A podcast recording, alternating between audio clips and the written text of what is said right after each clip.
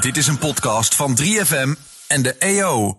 Bestaan er kinderfoto's van mij waar hij ook op staat?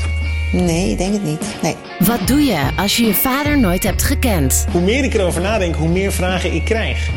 En toen was hij dus gewoon ontzettend boos en agressief.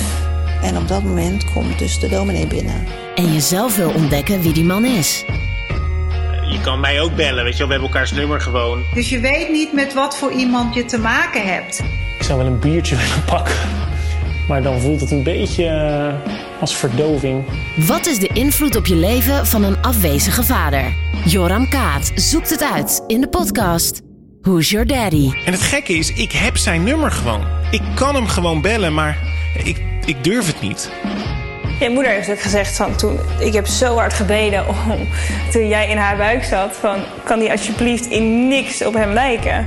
Ik heb geen flauw idee waar ik mezelf nu instort.